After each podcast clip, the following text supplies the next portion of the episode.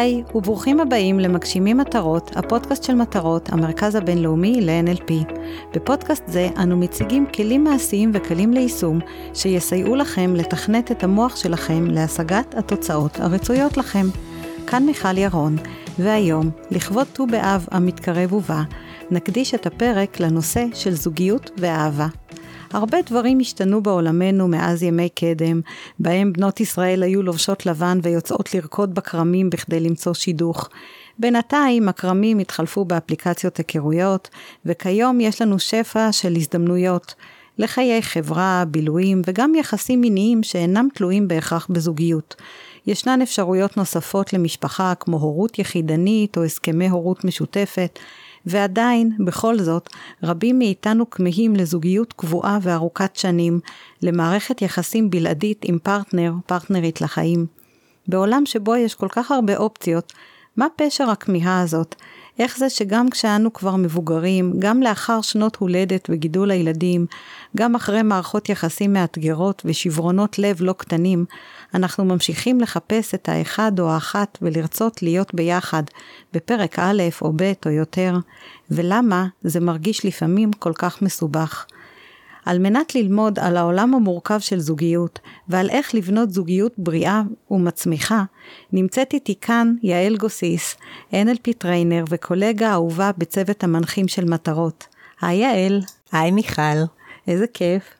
אה, כיף ומאוד מרגש, נושא מרגש מאוד. אז זהו, אז אני רוצה לשאול אותך, ככה, באמת, אה, את עוסקת הרבה בנושא של זוגיות, ומה שמעניין אותי זה ככה, איך התפתח העניין המיוחד שלך דווקא בתחום הזה? אה, האמת שאני... מתייחסת uh, לנושא הזוגיות כאיזשהו פרק מתוך uh, נושא הרבה יותר גדול שהוא נקרא מערכות יחסים. ואני חייבת להגיד שהחיים שלי זימנו לי ילדות כזאת שדרשה ממני המון המון המון להתעסק בנושא של מערכות יחסים.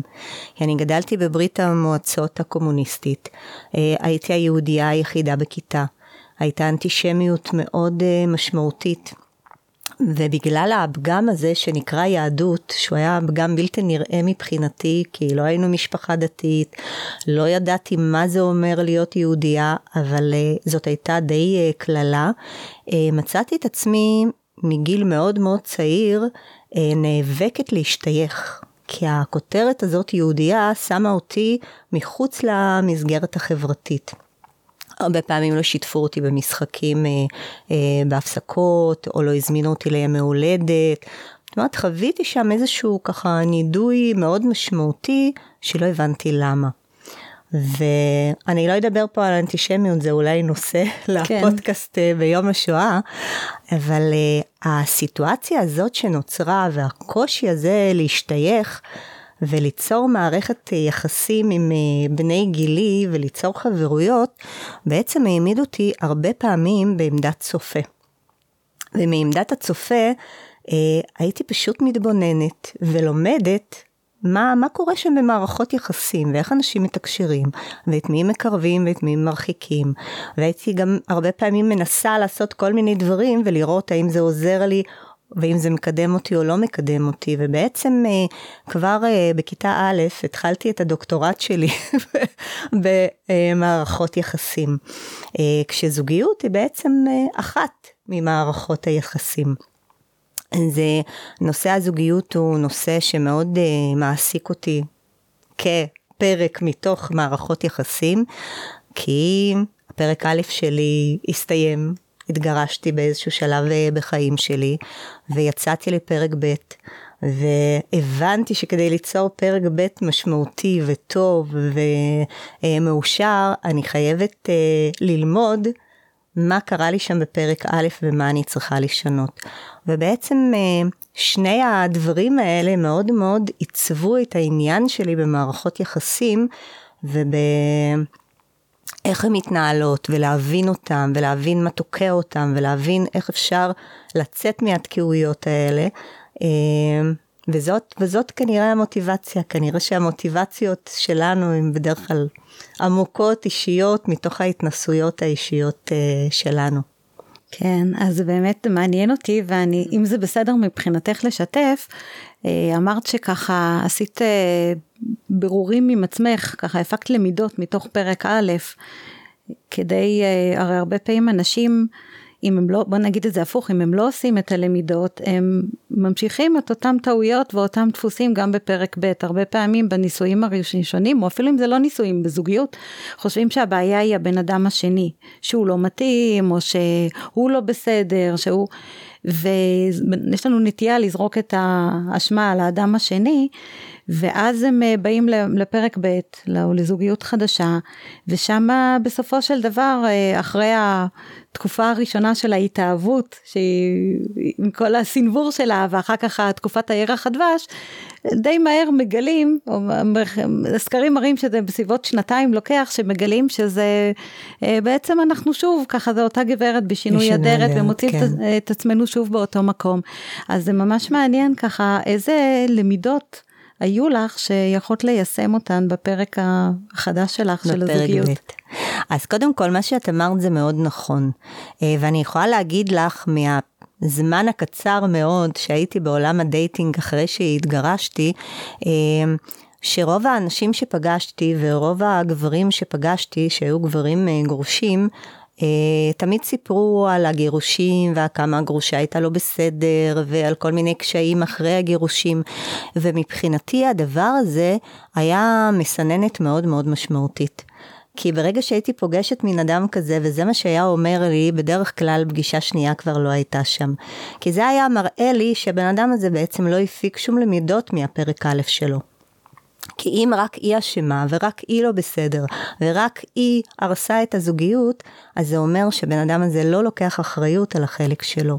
ובעצם אחת הלמידות החשובות שלי מתוך מערכת הזוגית הראשונה שלי, הייתה להבין שלא אכלו לי ולא שתו לי. היה שם בן אדם אחר עם הקשיים שלו ועם היתרונות שלו ועם החוזקות שלו ועם החולשות שלו וגם אני הייתי שם וגם לי הייתה תרומה למערכת יחסים הזאת.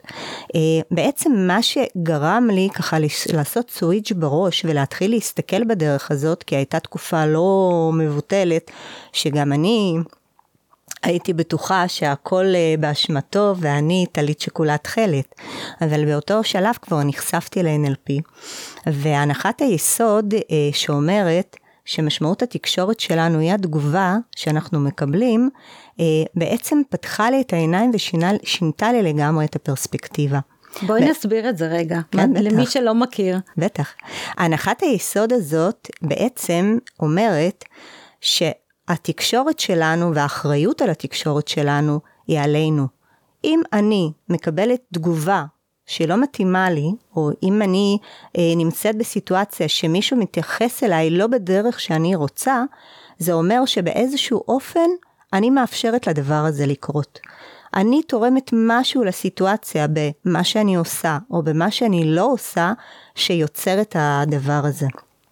בעצם אה, ברגע שהבנתי את הדבר הזה, אמרתי, אוקיי, אז זה אומר שאם בכל סיטואציה שבה אני נמצאת, קורה משהו שהוא לא מוצא חן בעיניי, ואני 50% מתוך הסיטואציה הזאת, יש לי אחריות שם.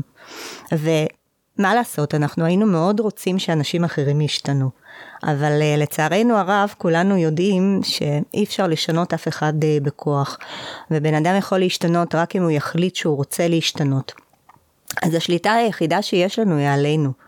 על מה שאנחנו עושים, על מה שאנחנו לא עושים, על הדרך שבה אנחנו מתנהלים. וברגע שאני לוקחת אחריות על החלק שלי בתקשורת, כי אותו אני לא יכולה לשנות, ואני משנה שם משהו, אז כל הסיטואציה תשתנה. אני מאוד אוהבת אה, להסביר את זה אפילו לתלמידים שלנו, שמערכות היחסים שלנו, אפשר להסתכל עליהם קצת כמו הצגת אה, תיאטרון. כשבהצגת תיאטרון לכל שחקן יש את התפקיד שלו ויש את הטקסט שהוא אומר, וכל אחד מראש בסופו של דבר יודע מה הטקסט שהוא צריך להביא. וכל הדינמיקות שקורות לנו במערכות יחסים הן דינמיקות קבועות. יש לנו ממש אסטרטגיות איך אנחנו אוהבים ואיך אנחנו משלימים ואיך אנחנו אה, מתקשרים קושי ואיך אנחנו משתפים פעולה ואיך אנחנו לא משתפים פעולה. ובעצם דבר נוסף שהבנתי מתוך הנחת היסוד הזאת, שהרבה פעמים אנחנו נתפסים לסיטואציה ומה בדיוק קרה בה. וכמו שאנחנו יודעות ב-NLP אנחנו פחות מסתכלים על המה ויותר מסתכלים על האיך. ובעצם אה, זה לימד אותי לחפש את הדינמיקה, לשים לב מה, מה קורה. לא מה הסיטואציה, אלא מה קורה, מה ההתנהגות, איך אני מתנהגת ואיך הוא מתנהג. את יכולה ניקח... לתת דוגמה? כן, זהו. כן, בואי ניקח אפילו דוגמה פשוטה. אה, אה, זוג שרב, כן? בכל פעם שמשהו לא מוצא חן בעיניה, היא מאוד אה, כועסת, היא מאוד מתוסכלת, אבל היא לא אומרת כלום. היא מתחילה לעשות אה, פרצופים, היא מסתגרת, היא מפסיקה לתקשר, ואז באיזשהו שלב בן הזוג שלה שם לב שמשהו לא בסדר, ואז הוא שואל אותה, מה קרה? ואז היא מתפרצת וכועסת, אתה שואל מה קרה? אני באמת צריכה להסביר לך מה קרה? אתה באמת לא יודע מה קרה? בעצם אה, מין סוג אה, משחק כזה של פולניה, בוא תנחש למה אני כועסת, והבן זוג יכול מאוד להתעצבן ולכעוס, ולהגיד שהוא לא מבין מה הקטע שלה ומה הבעיה שלה, ושאם היא לא רוצה לדבר אז לא צריך, לפעמים הוא יכול גם אולי לקום וללכת ולצאת מהבית. ואז הם יכולים כמה ימים לא לדבר, ואז אה, כשמגיעה ארוחת שישי וצריך להתארח או אצל המשפחה שלה או אצל המשפחה שלו, מגיעים אה, למשפחה ואז חוזרים לתקשורת אה, כי פשוט לא נעים. עכשיו דינמיקה כזאת יכולה לחזור שנים על גבי שנים, פעם אחרי פעם. יכולים לנגן את אותה הצגה, להעלות אותה במשך שנים ואף אחד מהצדדים לא מרוצה. אבל כל עוד אנחנו מסתובבים בלופ הזה, כל עוד אני כל פעם עושה בדיוק את אותו דבר, והבן זוג שלי כל פעם מגיב לי בדיוק את אותו דבר, אז אנחנו נמשיך להסתובב בדיוק באותו לופ. אז בעצם אם אני מתעלה רגע מעל הסיטואציה ומסתכלת בפרספקטיבה של מה קורה שם בדינמיקה, לא מי לקח או מי לא לקח, אלא איך אני מתקשרת שם. ואם אני אשנה משהו בהתנהגות שלי, אז כל הדינמיקה הזאת תשתנה. בדיוק כמו בהצגה, אם אני במקום uh, לתת לך uh, סטירה ולצעוק עלייך, אגיד לך, מיכל, אני ממש מצטערת ואני אסתכל לך עמוק בעינייך. הטקסט שיש לך ביד לא מתאים, את תצטרכי להמציא את עצמך uh, מחדש. כל ההצגה שלנו תשתנה. אז אם אני אקח אפילו את אותה סיטואציה, את אותה דוגמה, כן? והבחורה הזאת היא עכשיו כועסת ומתעצבנת ומשהו לא מצא חן בעיניה. אבל במקום לש... לעמוד בשקט ולחכות עד שבן הזוג שלה ישים לב שמשהו עובר עליה, היא פשוט uh, תשתה כוס מים ותיגש אליו ותמצא את הרגע הנכון. uh, להגיד לו שמשהו מפריע לה בצורה לא פוגענית, בצורה משתפת. הוא כבר לא יכול לצעוק עליה, והוא כבר לא יכול לכעוס עליה. הוא יכול לפתוח שם יחד איתה איזושהי שיחה, שאולי תעלה את הצורך שאולי לא קיבל מענה, ומשם יכול לבוא הפתרון. אז בעצם ברגע שאני מבינה שיש לי 100% אחריות על החלק שלי בתקשורת, וכשאני באינטראקציה, יש לי אחריות על מה שקורה שם, כי אני חלק ממנה. ואם אני אתקן את החלק שלי, אז uh, הצד השני בהחלט יצטרך לשנות את התגובה שלו אליי, או כמו שאנחנו קוראים לזה בעברית, אנחנו צריכים לעשות pattern interrupt, שבירת דפוס. כל עוד אנחנו מסתובבים באותה דינמיקה ועושים את אותן הפעולות באותה הדרך, נגיע לאותה תוצאה. הרבה פעמים יש באמת ציפייה, ושמעתי את זה מהרבה נשים, ש, שבן הזוג יבין שהוא כבר ידע לבד. אני זוכרת מישהי שאמרה לי, הוא לא קורא אותי, הוא לא מבין אותי. אז שאלתי אותה, מה את עושה בתקשורת שלך על מנת להיות מובנת? זה באמת ההבנה שהאחריות על התקשורת היא שלנו, שאנחנו לא יכולים לצפות מהאדם האחר שיקרא את המחשבות שלנו, את הרגשות שלנו, לא משנה כמה שנים אנחנו ביחד. כן, לגמרי.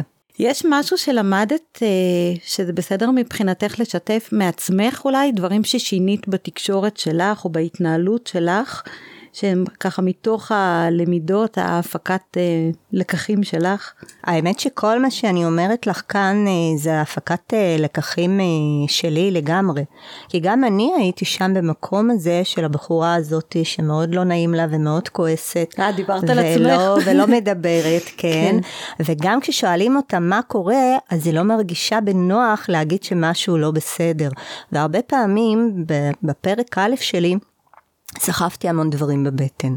תרתי משמע, ממש סחבתי דברים אה, בבטן, התבשלתי עם עצמי, ולא היה לי נעים, ולא רציתי להאשים, ובעצם, עצם זה שלא הבאתי את זה על השולחן, אה, הרבה פעמים זה לא אפשר לצד השני להבין אותי, או לראות את, ה, את הצד שלי, או את החלק שלי.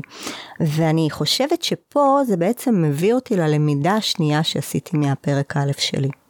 כי כשאני הגעתי ל... אחרי שהתגרשתי, החלטתי, ברגע שהבנתי, שיש לי חלק משמעותי, לפחות 50% בזה שהנישואים שלי לא הצליחו, החלטתי לקחת את עצמי לטיפול, לקחת אחריות ולראות מה, מה קרה לי שם.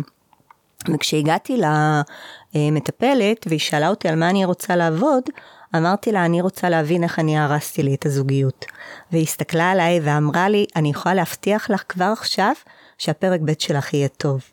כי אם עם זה את מגיעה, אז, אז את תעשי משם אה, למידה.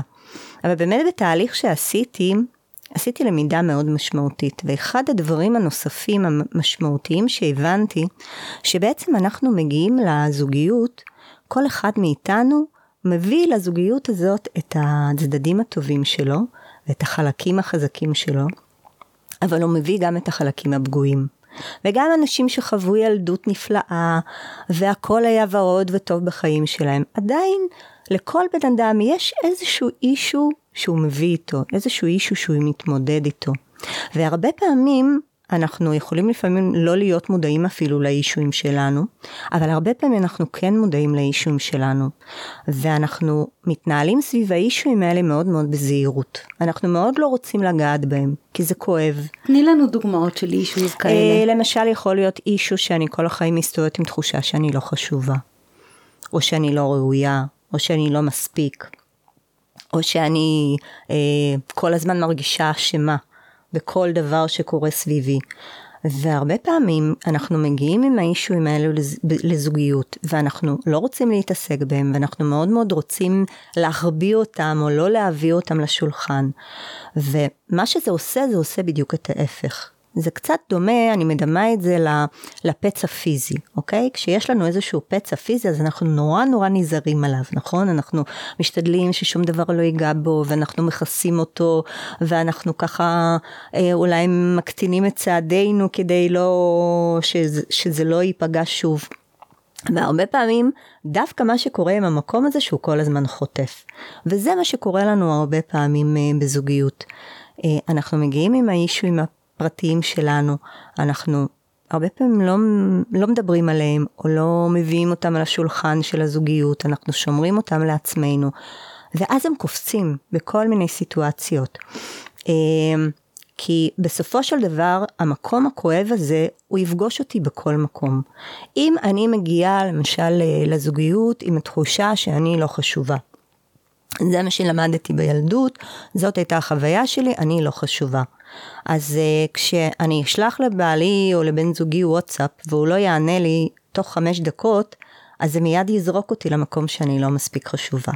ואני מאוד אכעס ואני אתעצבן ואולי יכאב לי ואולי אני אעשה פרצופים ואולי אני אפילו אעשה דרמה מזה וגם אם הוא לא ימזוג לי אה, משקה בארוחה משפחתית אז גם שם אני יכולה להרגיש שאני לא מספיק חשובה ואם הוא יאחר לי רק חמש דקות אז גם זה יזרוק אותי למקום שאני לא מספיק חשובה. אז בעצם האישויים האלה הם כל הזמן עולים, גם אם אני רוצה וגם אם לא.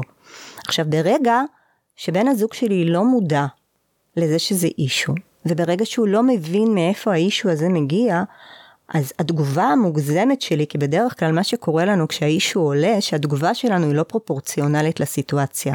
וכשאני מגיבה באופן לא פרופורציונלי לסיטואציה, זה יכול לתת לי ככה סימן ש... שיש פה אישו, שצריך לבדוק אותו. אז ברגע שבן הזוג שלי יהיה באיזושהי הבנה שיש שם אישו, זה יאפשר לו להיות יותר רגיש שם.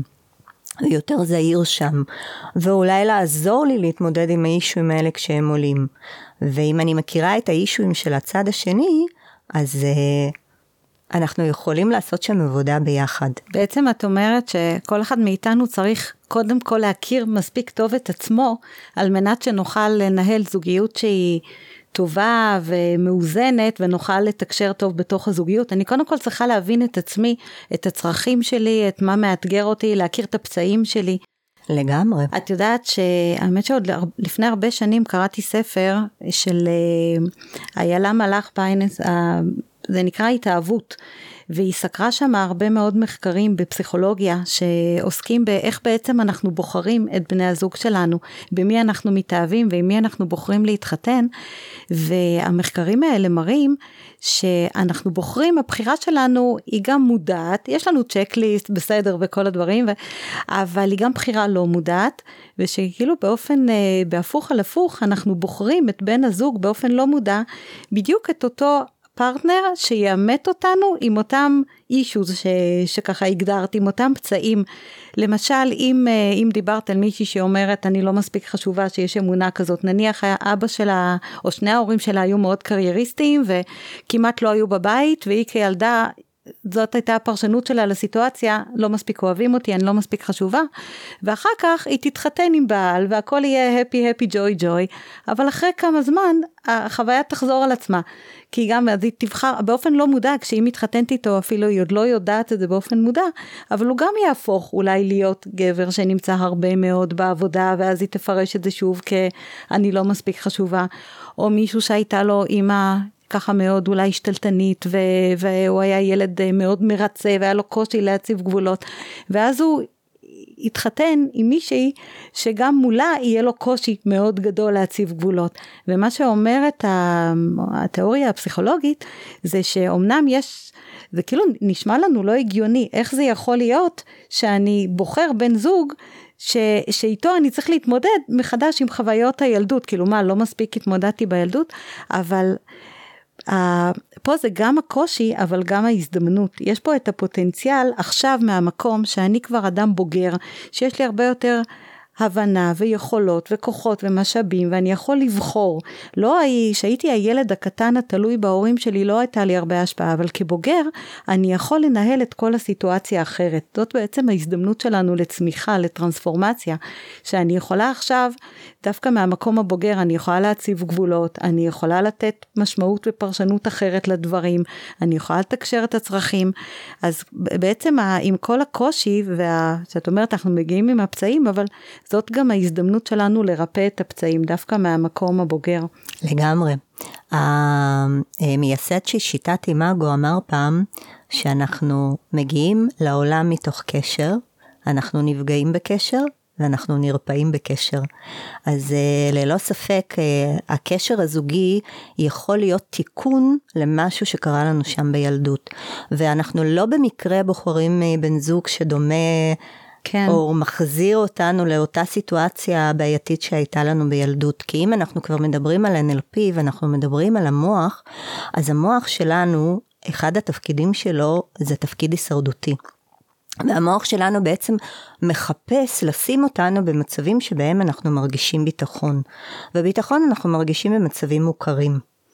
אז ברגע שיש לי דפוסים מול ההורים שלי, והדפוסים האלה הם מוכרים ונוצרים ממש מסלולים נוירולוגיים במוח, וככל שמשהו חוזר על עצמו, הנוירונים בעצם מצטפים ביותר ויותר שכבות אה, שמאפשרות הולכה יותר טובה, אז אנחנו בעצם מזהים את הבן זוג הזה כמצב מוכר.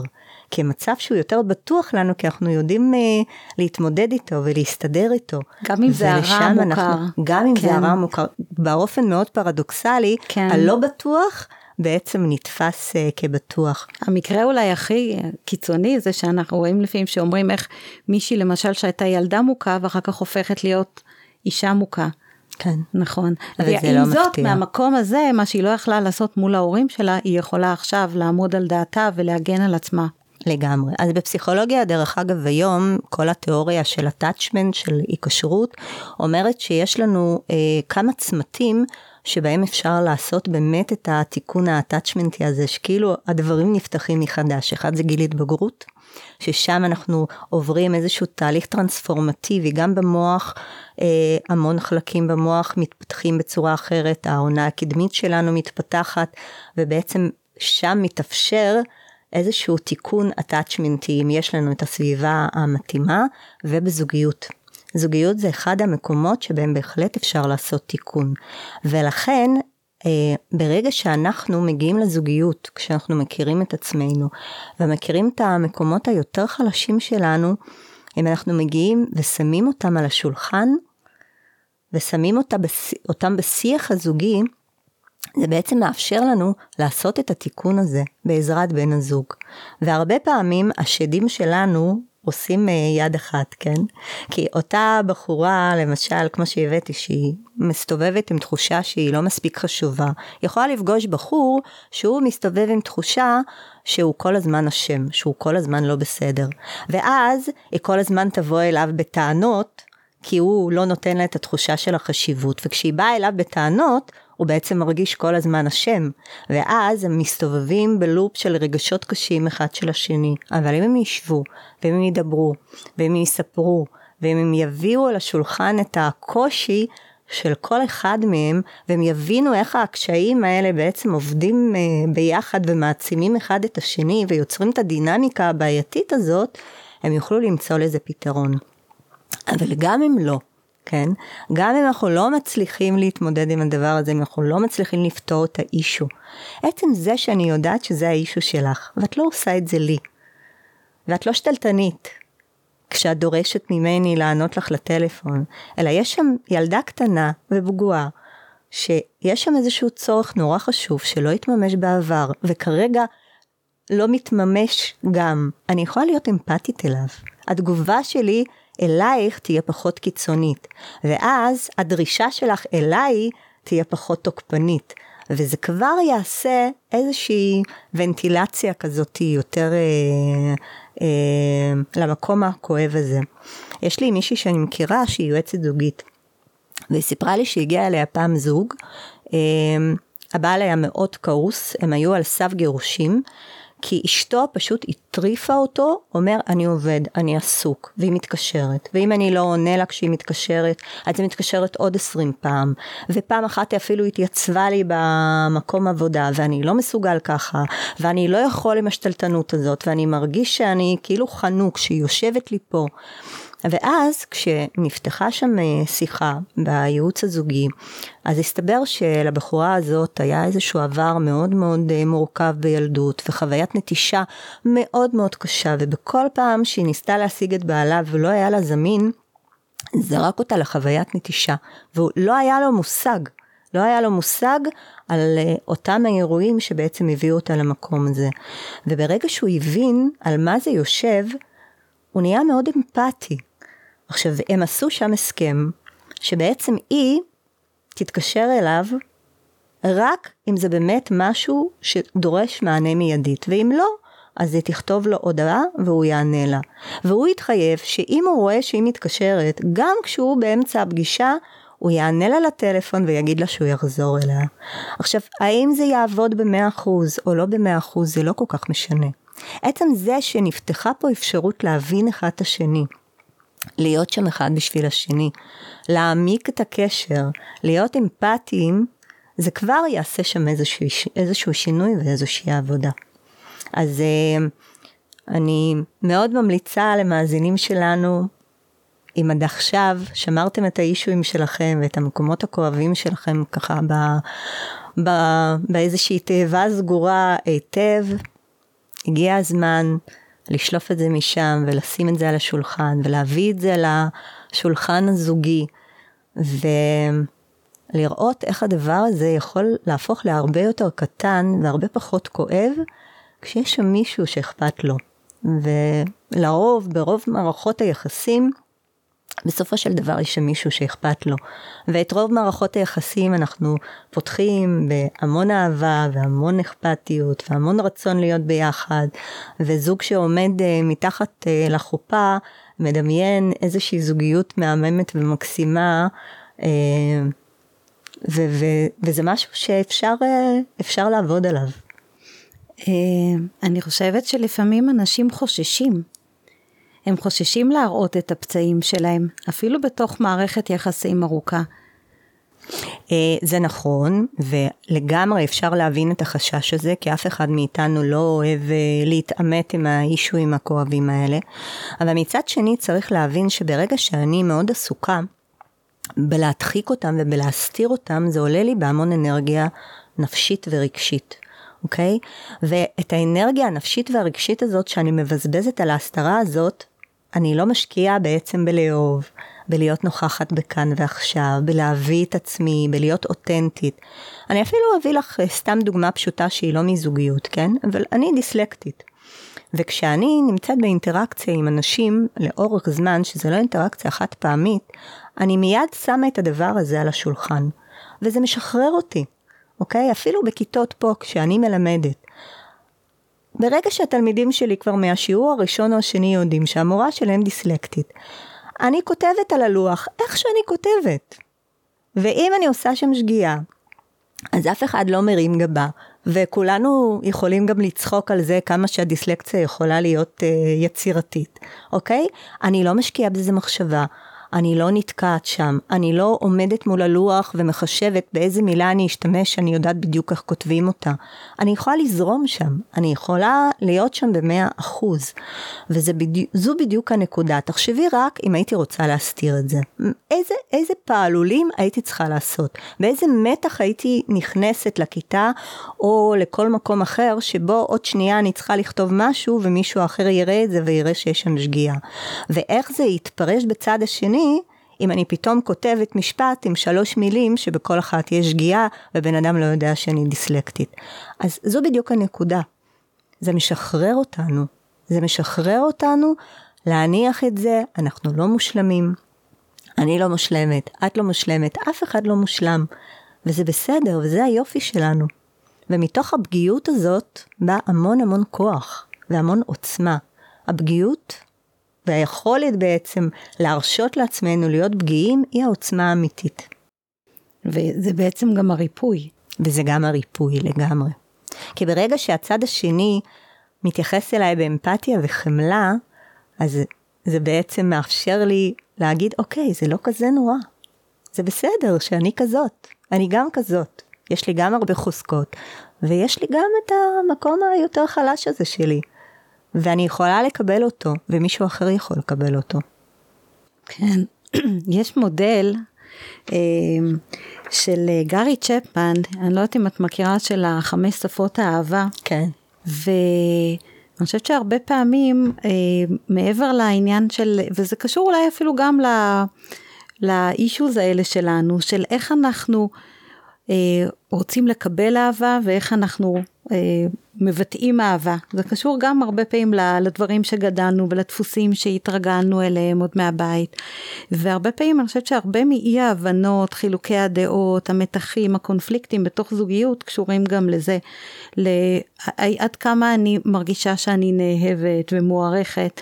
והוא מדבר על זה שיש אה, חמש שפות של אהבה ויש, אה, ככה אני אגיד למאזינים שלא מכירים, יש את השפה, שפת המילים. יש את uh, שפת הגופנית של המגע, יש את השפה של השירותים, של לעשות דברים למען מישהו אחר, יש את השפה של המתנות, ויש את השפה של הזמן איכות, ה-quality time, לעשות דברים ביחד. ונגיד, ה, ו, ו, ואנחנו, לכל אחד יש אחת מהן שהיא השפה העיקרית שלו, ועוד אחת שהיא יותר המשנית, זאת ההנחה ככה של התיאוריה, והאמת היא שאני רואה אותה עובד יפה, עובדת מאוד יפה ככה גם במציאות, ו, והרבה פעמים כשאנחנו לא מבינים מספיק מה את השפה של האדם האחר, אז אנחנו נעלבים מזה. למשל, אם אישה ש... השפה שלה שהיא באה היא מרגישה אהובה זה שפת המילים. היא צריכה שבן הזוג יגיד לה אני אוהב אותך, את מדהימה, שהוא ייתן לה מחמאות, שהוא, שהוא ממש ימלל את הדברים. לעומת זאת שפת האהבה שלו, הדרך שבה הוא מפגין אהבה זה שפת השירותים. הוא אה, לוקח לה את האוטו למוסך, והוא מבשל לה אוכל, והוא מכבס לה, והוא מסדר לה וזה, וככה זאת הדרך שלו לבטא אהבה, ושניהם יוצאים נורא נורא מתוסכלים. היא מרגישה שהוא לא מספיק אוהב אותה ולא אכפת לו, והוא מרגיש שהיא לא מעריכה את כל מה שהוא עושה עבורה. אז אני חושבת שגם פה, במקרה הזה, כל אחד שבא ואומר, איך אני, למה אני זקוק בשביל להרגיש אהוב. או דוגמה אחרת, למשל, אה, הרבה פעמים רואים את זה שגברים, אה, יכול להיות ששפת האהבה שלהם, הדרך שהם בה הם מפגינים אה, אהבה זה יותר, הרבה, לא תמיד, אבל הרבה, יש נטייה כזאת דרך המגע. ו, ומבחינתו הוא מחבק והוא מנשק ויש סקס ו, וככה הוא מראה שהוא אוהב. והאישה, ונגיד הוא נשוי למישהי שהשפה שלה זה שפת המתנות.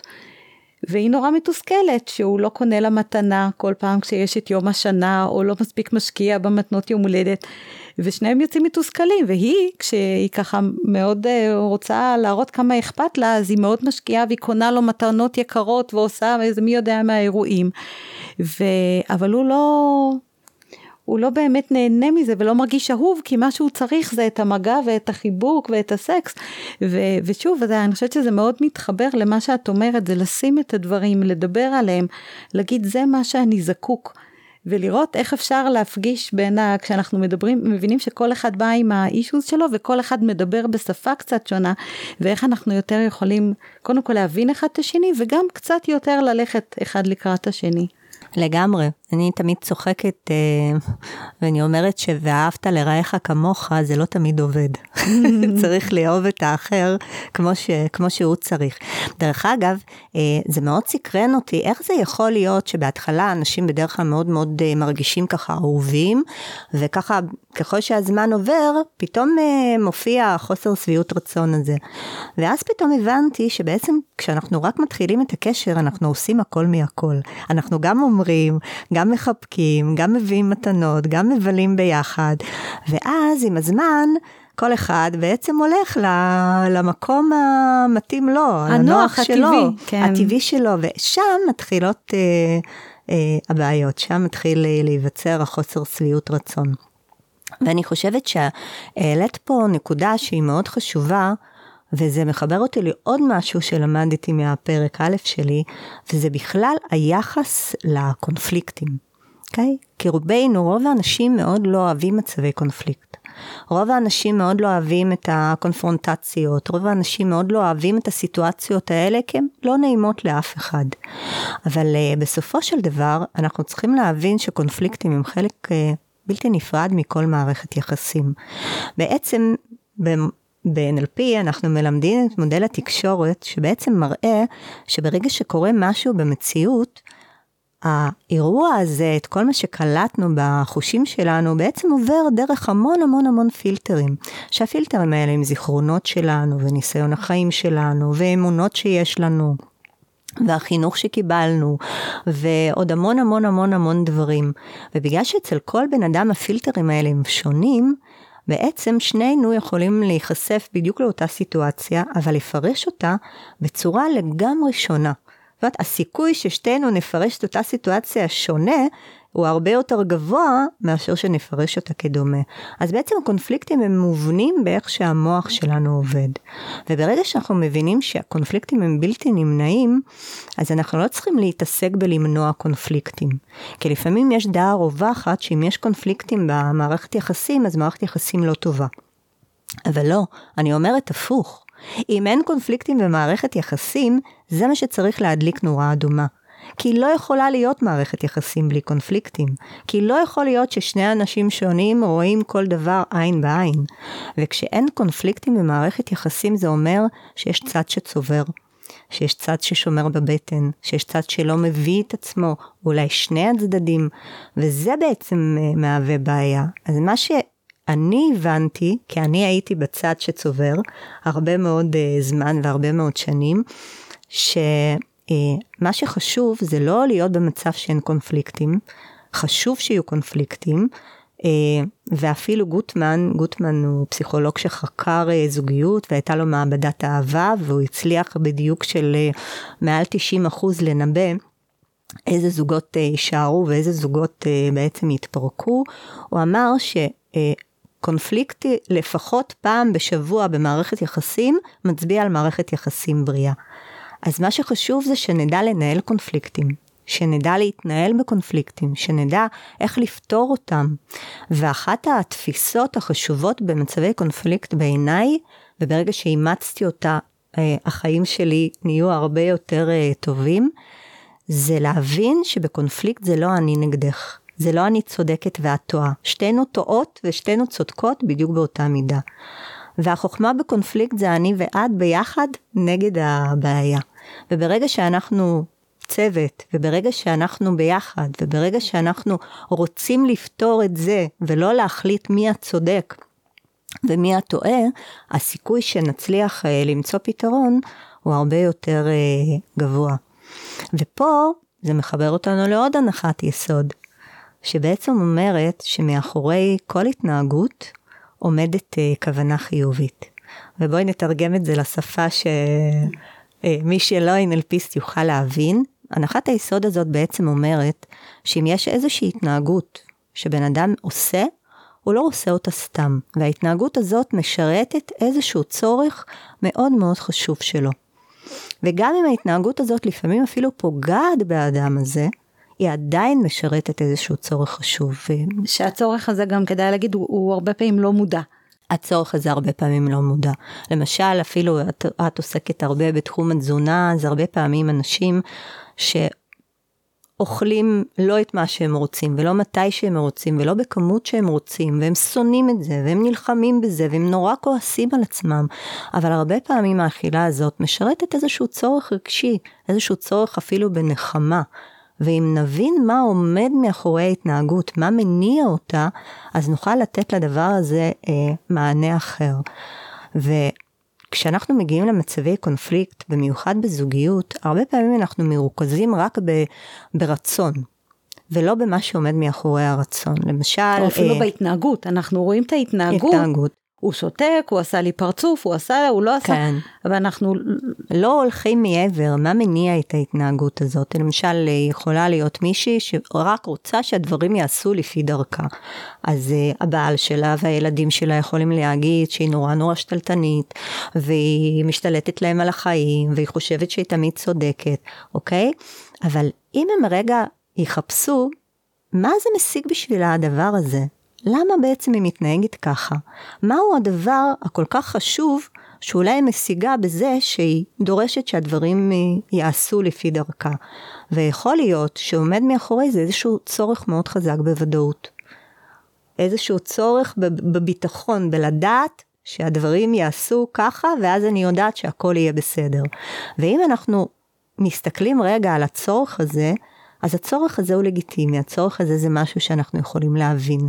ומתוך ההבנה של הצורך, ברגע שנפסיק לכעוס ונוכל יחד איתה להבין איך היא יכולה לקבל ודאות גם כשאני לא פועלת בדרך שלה, האם אני אעדכן אותה, האם אנחנו נתכנן ביחד את דרך הפעולה, האם אני, לא יודעת, אה, אה, אספר לה מה בדיוק אני הולכת לעשות אה, שלב אחרי שלב, זה בהחלט יכול לעשות איזשהו שינוי. אז ברגע שאנחנו נקלעים למצב הקונפליקט, צריך שוב לעשות איזשהו זום אאוט, ורגע לשאול את עצמנו, מה יכול להיות שהדבר, ההתנהגות הזאת שאני לא אוהבת אצל האחר, משיגה עבורו. וזה גם נכון עבורנו, אנחנו הרבה פעמים כועסים על עצמנו. למה אני עושה ככה? למה אני פועלת ככה? למה אני מתנהגת בדרך הזאת?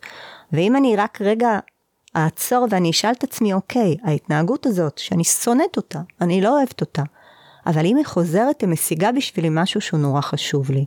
מה זה המשהו הזה? ואיך אני יכולה לממש את המשהו הזה בדרך אחרת?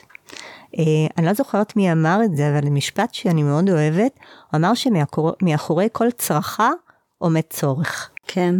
אז... אה, אני חושבת שזה ארנינה קשטן אמרה. כן? כן. אז אה, לא, לא זכרתי של מי זה, אבל אם אנחנו נבין שמאחורי כל צרכה באמת עומד שם צורך, ונשהה רגע את היחס לצרכה, ונסתכל רגע מה יכול להיות הצורך, זה יכול לפתוח שם איזשהו, איזשהו משהו שמאפשר לנו לנהל את הקונפליקט הזה, ואולי אה, למצוא לו פתרון הולם.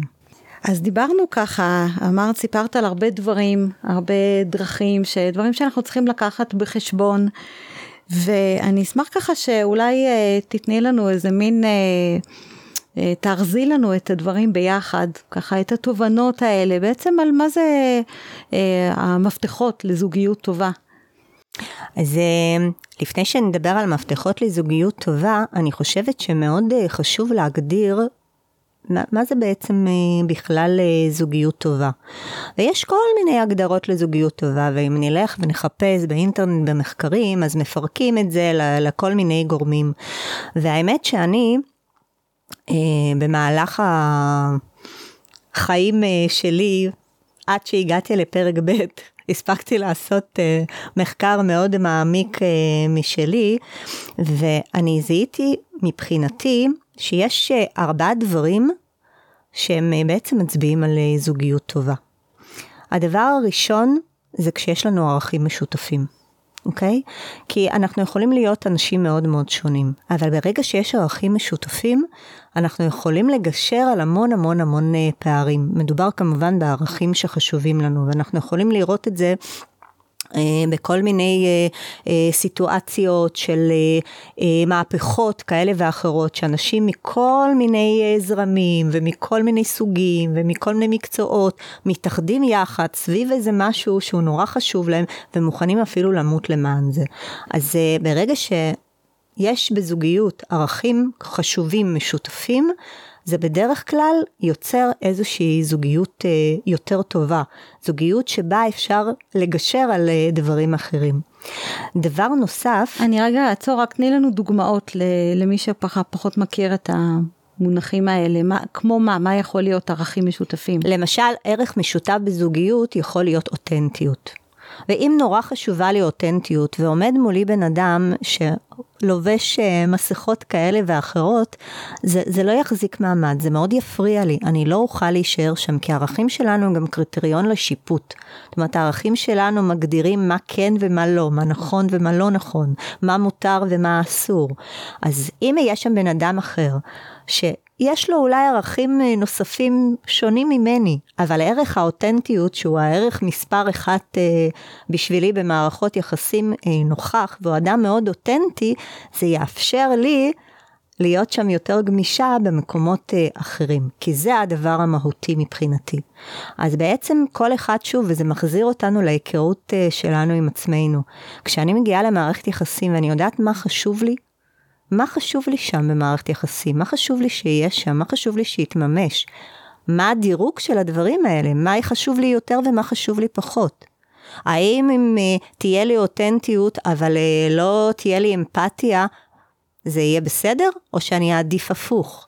בדרך הזאת אנחנו יכולים ממש לחשוב על הערכים, לדרג אותם ולזהות האם יש אותם בצד השני, ואם יש, אז יש סיכוי טוב יותר שתהיה זוגיות טובה. דבר נוסף אה, אה, שלמדתי על בשרי, הרבה פעמים אנחנו שואלים את עצמנו, אז מה, הזוגיות שיש לי זוגיות טובה, היא זוגיות לא טובה? כי בואי, בכל זוגיות יש עליות ויש ירידות, והרבה פעמים אנחנו ככה מוצאים את עצמנו מתלבטים. ואני למדתי בשבילי, וזה מאוד עזר לי, לדעתי זה ככה כולל בתוכו המון המון קריטריונים כבר uh, מובנים. זה איך אני מרגישה עם עצמי בזוגיות הזאת. האם אני אוהבת את עצמי בתוך הזוגיות? האם אני אוהבת את הדרך שבה אני מתנהגת? האם אני אוהבת את הדרך שבה אני מתנהלת? האם אני אוהבת את עצמי בתוך המסגרת הזאת? כי בדרך כלל אם אני אוהבת את עצמי, זה אומר שהזוגיות עובדת טוב, שהיא מוציאה ממני את הצדדים הטובים שלי. כי אם אני בתוך הזוגיות ואני לא אוהבת את עצמי בתוך הזוגיות הזאת, אני לא אוהבת איך אני מתנהלת, אני לא אוהבת איך אני מתנהגת, אני לא אוהבת איך, איך אני מדברת, זה אומר שמשהו בזוגיות הזאת לא עובד טוב. שהיא מוציאה ממני לא את הדברים הטובים. והדבר הנוסף שהוא נתון די מדעי והוא שוב מבוסס על המדע, על המדע של המוח וחקר המוח, אה, המוח שלנו עובד, כמו שכבר אמרנו, על הישרדות.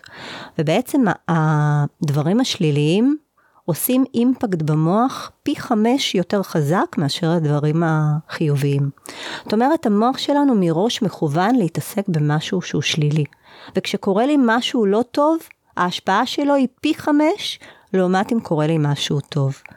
וזה בעצם מביא אותנו למצב שהיחס בין הלא טוב לטוב, בזוגיות טובה צריך להיות 1 ל-5. זאת אומרת, על כל אינטראקציה שלילית, צריכות לבוא לפחות חמש אינטראקציות חיוביות כדי לכפר עליה. איך את מציעה לי, ליישם את זה? אז איך אני מציעה ליישם את זה? קודם כל, מה זה אינטראקציה חיובית? מחמאה, חיבוק, תשומת לב, אה, אמפתיה, אה, שיחה, להסתכל בעיניים, אוקיי? כל הדברים האלה הם בגדר משהו חיובי, אני כבר לא מדברת על uh, לעשות פיזית משהו שהוא חיובי למען מישהו אחר. עכשיו, וזה נשמע כזה קצת טרחני, כן? אז מה, אני עכשיו אתחיל לספור? האם עשיתי חמש מחוות? לא עשיתי חמש מחוות? לא. לא צריך לספור. אבל אני חושבת שהאחד לחמש הזה נותן לנו איזשהו מדד, שאם אני רוצה שתהיה לי זוגיות טובה, היחס בין החיובי לשלילי צריך להיות מאוד מאוד משמעותי. זאת אומרת, צריך להיות הרבה מאוד חיובי ומעט מאוד שלילי. ואם עכשיו הגעתי הביתה, ומשהו בבן הזוג שלי עצבן אותי, וכבר הערתי לו על זה, ואחר כך קרה עוד משהו, אני אשתוק, אוקיי? אני אשמור את זה רגע, אני לא אביא את זה לשולחן, אני לא אגדיל את האינטראקציה השלילית, אני אולי אחכה למועד אחר, אני קודם כל אתקן את מה שהיה כבר לא נעים ומה שהיה שם לא טוב, ואז נתעסק גם במשהו הנוסף הזה, כמובן, אם זה לא משהו אקוטי שלא, שלא יכול לחכות. אז ההתכווננות הזאת וההבנה הזאת, שבעצם יש לנו איזשהו חשבון בנק רגשי זוגי. וכל דבר שלילי זה משיכה מהחשבון, וכל דבר חיובי זה הפקדה בחשבון, אז אנחנו צריכים להפקיד הרבה יותר ממה שאנחנו מושכים. ולנהל את האיזון הזה בצורה מאוד אינטואיטיבית, ואנחנו כולנו יודעים אינטואיטיבית איפה האיזון הזה נמצא. אז ממש ממש uh, לשים לב לדבר הזה, וכמובן היכולת uh, לנהל קונפליקטים. אז זה לי ככה דברים שלי מאוד עבדו, ועשו לי קצת סדר בראש, באיך שאני ניגשת לסיטואציות. יש לך ככה לפני סיום עוד איזה טיפ, עצה, משהו, משהו שחשוב לך להגיד למאזינים שלנו בהקשר הזה של זוגיות. מי שנמצא בזוגיות, מי שרוצה להיות בזוגיות, מי שמתלבט אם להישאר בזוגיות. אה, כן, אני חושבת שאחד הדברים הכי חשובים זה להתגבר על הנטיות הטבעיות של המוח שלנו.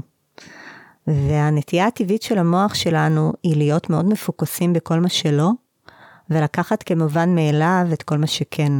כי הרבה יותר חשוב אה, שאני אזכור שמסוכן ללכת לבד בלילה, מאשר שתה יותר טעים לי מקפה.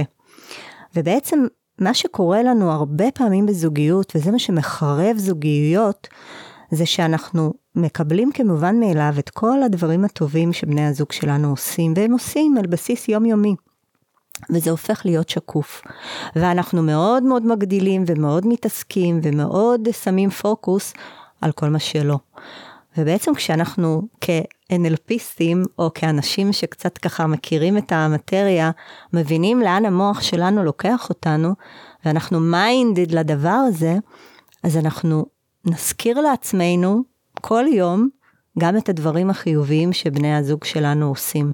ואני ממש אה, בצורה מאוד מאוד מודעת, מקפידה בכל יום לעשות או להגיד או להראות לבן הזוג שלי את כל אותם המקומות אצלו שאני אוהבת, שאני מעריכה, ואני לא עושה את זה רק בשבילו, אני עושה את זה גם בשבילי.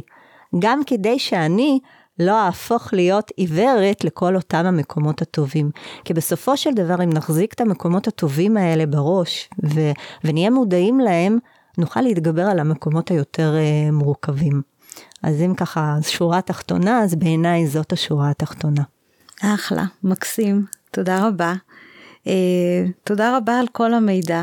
וכל ה, ככה התובנות החשובות והחיבורים האלה ככה שעשית עם כל מה שלמדת גם מהפרק א' וגם מהכלים של ה-NLP. תודה מיכל. תודה רבה גם לכם שהאזנתם. חשוב לנו שהמידע הזה יגיע לכמה שיותר אנשים, ונשמח שתשתפו עם אנשים שאתם חושבים שזה עשוי לעזור להם. אם אתם מאזינים בספוטיפיי או באפל פודקאסט, נשמח גם שתדרגו את הפרק. למידע, תובנות וטיפים נוספים, מוזמנים לעקוב אחרינו בפייסבוק, מטרות, המרכז הבינלאומי ל-NLP, ובאתר שלנו מטרות מקף. נשתמע בפרק הבא.